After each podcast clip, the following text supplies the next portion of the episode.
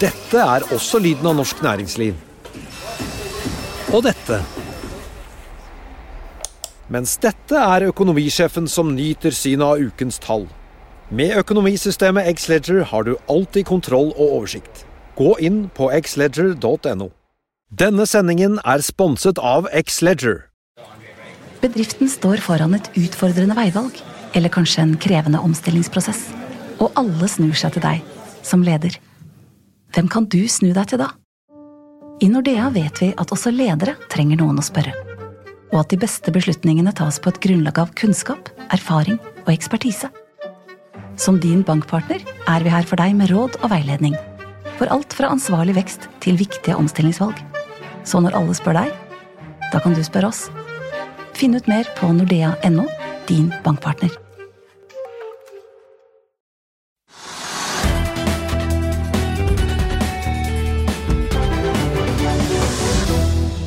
Velkommen til Økonominyhetene denne torsdag 2.12. Og eh, hvis du ikke har fått det med deg, så har vi altså ny sendetid eh, mandag til torsdag 14.30 istedenfor 15.30. Fredager er fortsatt 13.30. Eh, I dag skal vi høre fra teknologiselskapet Elop, som har sluppet sine resultater for tredje kvartal. Og vi skal også få teknisk analyse av Nordic Semiconductor. Men først skal vi ta en titt på markedet og andre nyheter som har kommet i dag. SAS, flyselskapet, innfører munnbindpåbud igjen. Det var det TV 2 som meldte tidligere i dag. og Dermed er det på igjen med munnbind både på norske og nordiske flygninger. Norwegian eh, sier at de foreløpig ikke innfører noe påbud, men at de oppfordrer passasjerene til å gjøre det. For øvrig så har jo da regjeringen kalt inn til eh, pressekonferanse nå klokken fire i ettermiddag, hvor de både skal komme med nasjonale og regionale tiltak. Det melder VG. NRK erfarer at eh, det nå kommer eh, påbud om bruk av eh, munnbind igjen. Så får vi altså se hva som kommer klokken fire, og det kan du selvfølgelig lese mer om på fa.no. SAS-aksjen faller 5 i dag. Norwegian faller 2,3% og det er ikke de eneste flyaksjene som faller. Flyr er ned 5,8 og Norse North Atlantic, langdistanseselskapet som ennå ikke har startet opp, er ned 3,2 Ser vi på hovedindeksen, så er den ja, slitt litt på fin retning i dag. For etter en oppgang på 0,7 i går, så suste den først ned 1,2 ved åpning i dag. Og så hentet den seg litt inn, før den nå er tilbake igjen på et fall på 1,2% Oljeprisen den har svingt litt eh, før eh, vi i dag får resultatene av eh, OPEC-møtet som pågår akkurat nå.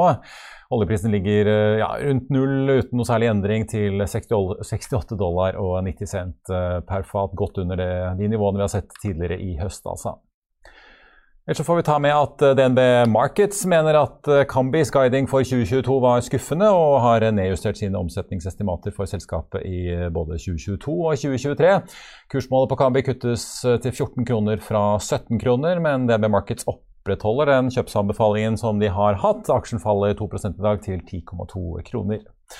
Ellers så tar vi med at Daniel Stenslett i Arctic Securities er ute med en gjentatt kjøpsanbefaling på Panoro Energy. Han har økt kursmålet og ser nå en doblingsmulighet i aksjen.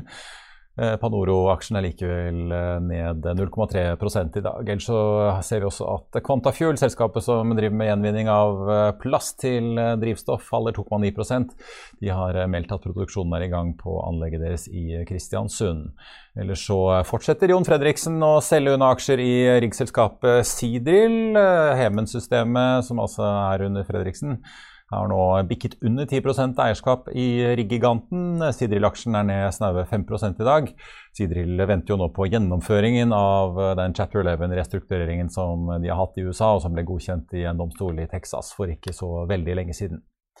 Vi nevner også at solcelle- og plattformselskapet Otovo meldte i dag at lanseringen i Tyskland nå er eh, gjort, og dermed er de i gang med å selge solcelleinstallasjoner til tyske hjem.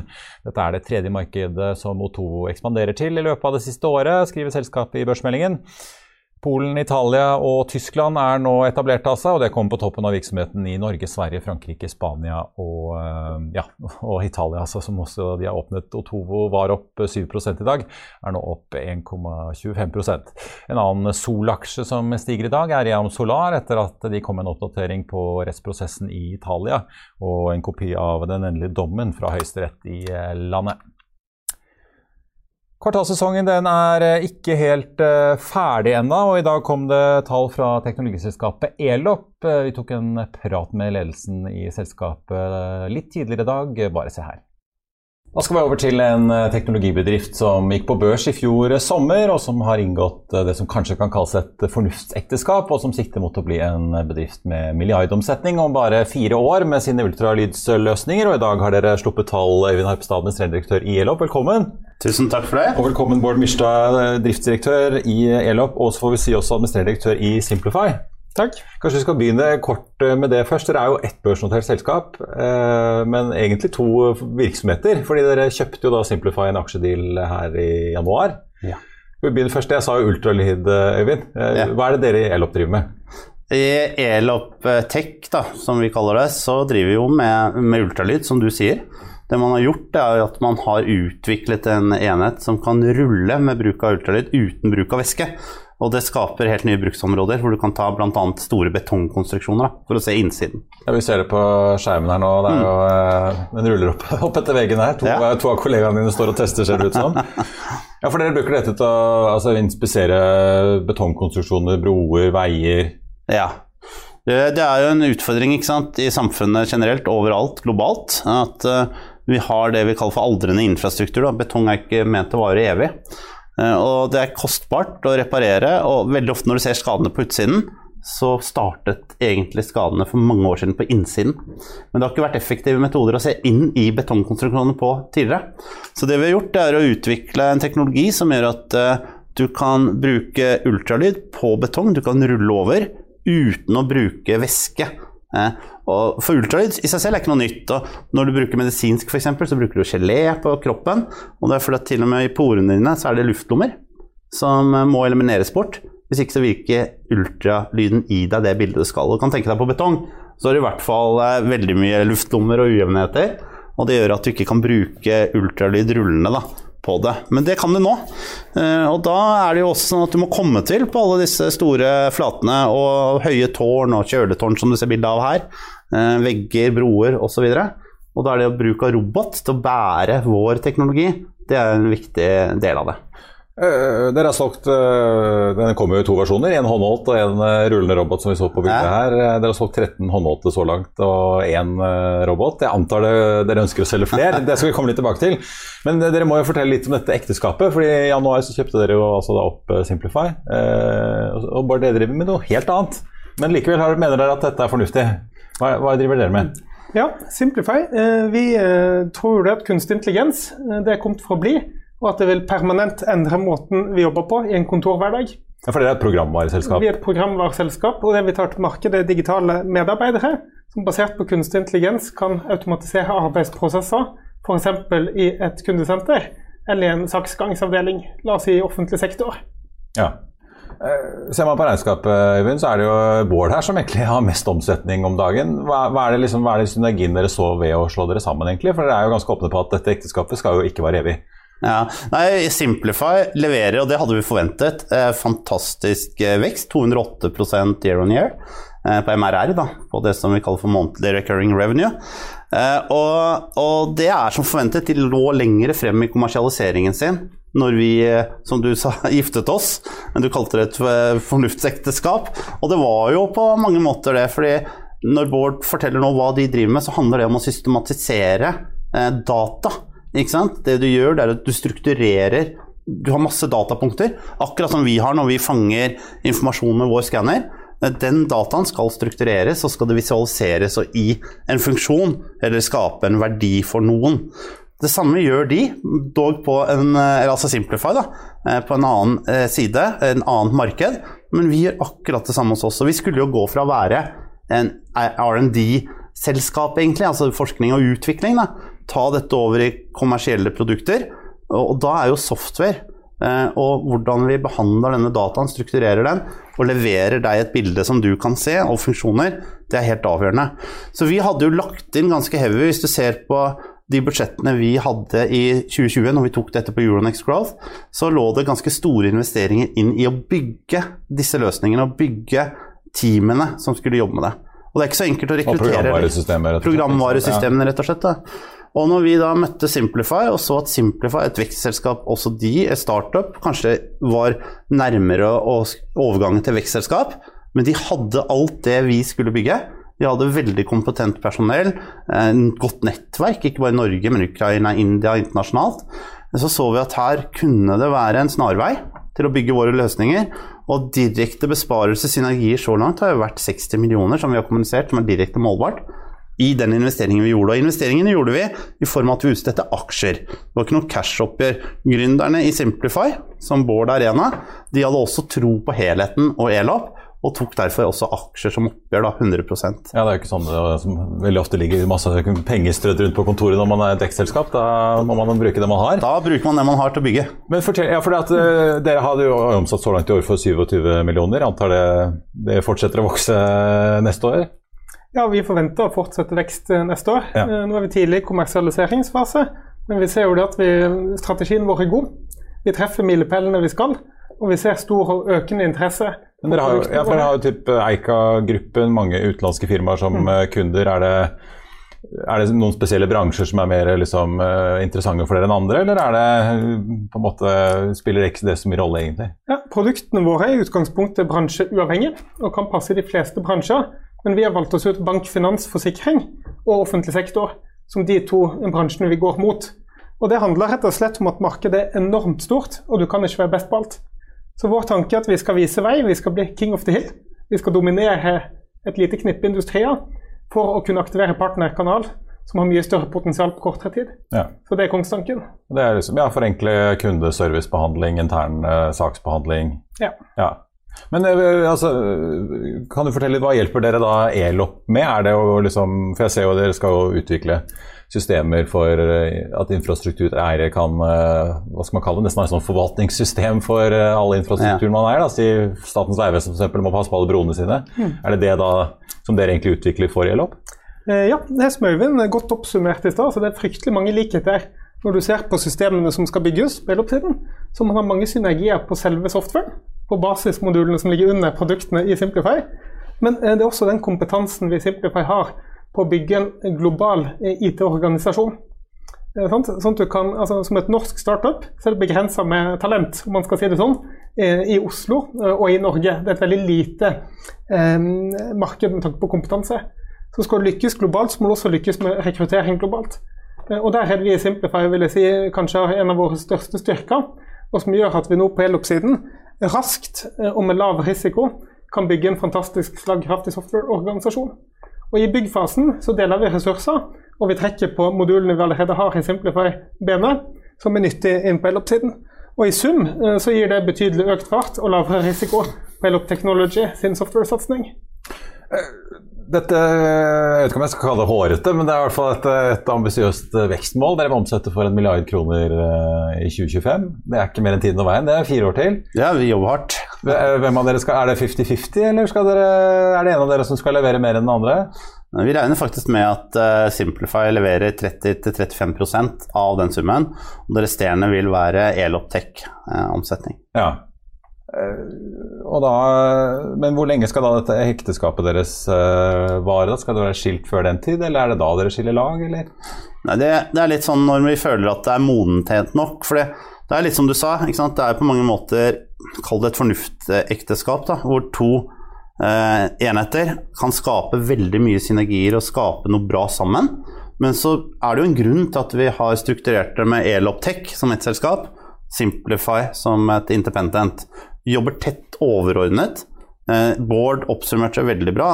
Vi har jo bygget nå på rekordtid en veldig kompetent softwareavdeling. Og husk at det er ikke bare AMS-en, det som du kalte Asset Management. Mm. Det er jo masse software som ligger til grunn i enheten, i hardwaren vår også.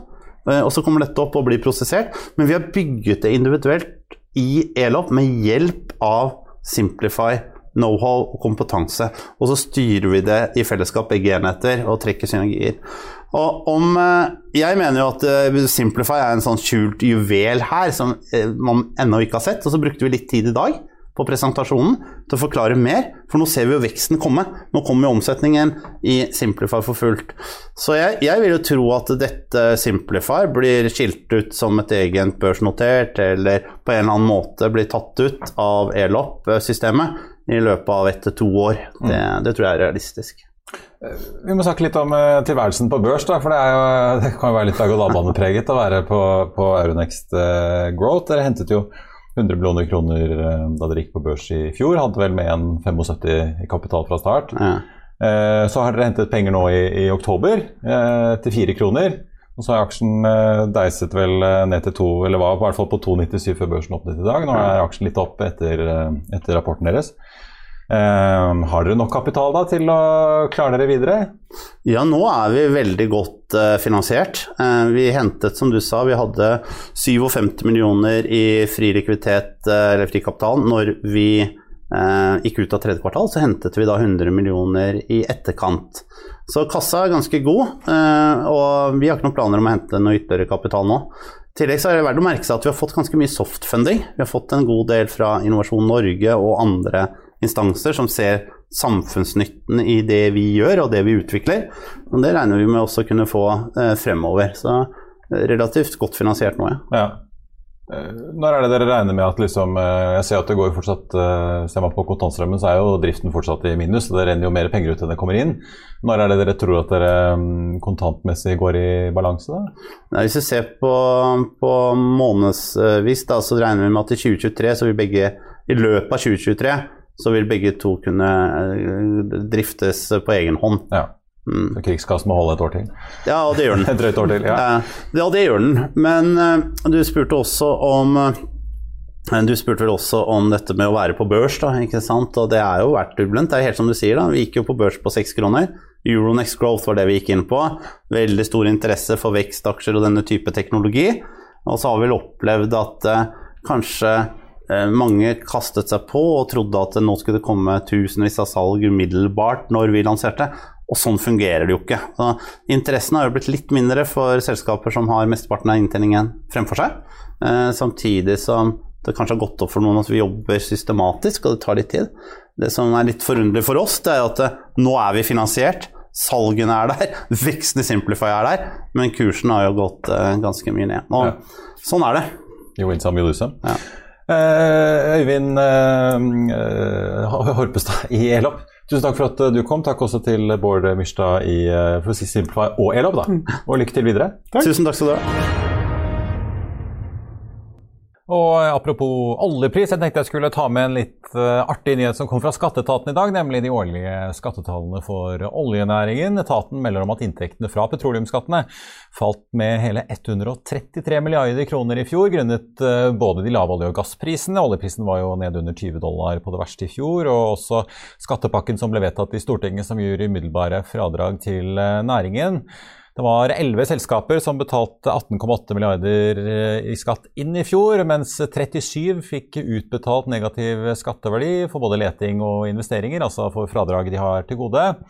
Totalt eh, blir det med disse negative skatteverdiene på 40,2, altså minus 21,4 milliarder netto ut i fjor.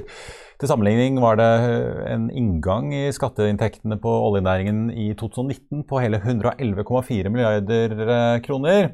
Og etter minusen i fjor så blir det også betydelig pluss igjen i år for staten, for skatteetaten anslår at man i 2021 vil skrive ut 161,4 eh, milliarder kroner i skatt til selskaper som er i skatteposisjon, og kun gi 14,4 milliarder i negativ terminskatt til de som ikke er i skatteposisjon. Da skal vi ta med også uh, siste nyhetene nå fra markedet nå som uh, ja, det begynner å nærme seg åpning på Wall Street. Futuresene der borte peker uh, mot en litt blandet start. Futuresen på Nasdaq er ned 0,3 mens den er opp 0,25 for SNP. Ellers så ser vi at Elap, som vi snakket med tidligere, fortsatt er ned 5,9 og en ganske tung dag for flere av flyaksjene. Norwegian er ned 1,6% Både SAS og Flyr er ned nesten 5 mens eh, det går eh, litt bedre for North Atlantic. Blant oljeselskapene så er det Equinor som ligger rundt null. Aker BP ned 0,8 nå eh, i påvente av resultatene fra OPEC-møtet. Oljeprisen er ned 0,7 til 68 dollar og 40 cent. I Finansavisen i morgen kan du lese Trygve Hegnars leder om store investeringer, MDGs regneferdigheter og at det er bånngass på norske sokkel. Du kan lese om Kepler Chevrøs Anders Holte, som spår nytt storsalg fra Kjell Inge Røkke i Aker BP. Etter høstens uh, salg som de og BP gjorde tidligere. Og så kan du også lese om en gasslagersjef som spår krise i Europa. Det var det vi hadde for i dag, men i morgen er det fredag, og da er vi på luften igjen klokken 13.30 med både bilstoff, eh, siste, de siste børsnyhetene, og vi skal prate med en av Norges skarpeste teknologi- og telekomanalytikere. I mellomtiden får du som alltid siste nytt på finansavisen.no. Takk for at du så på, og så ses vi igjen i morgen.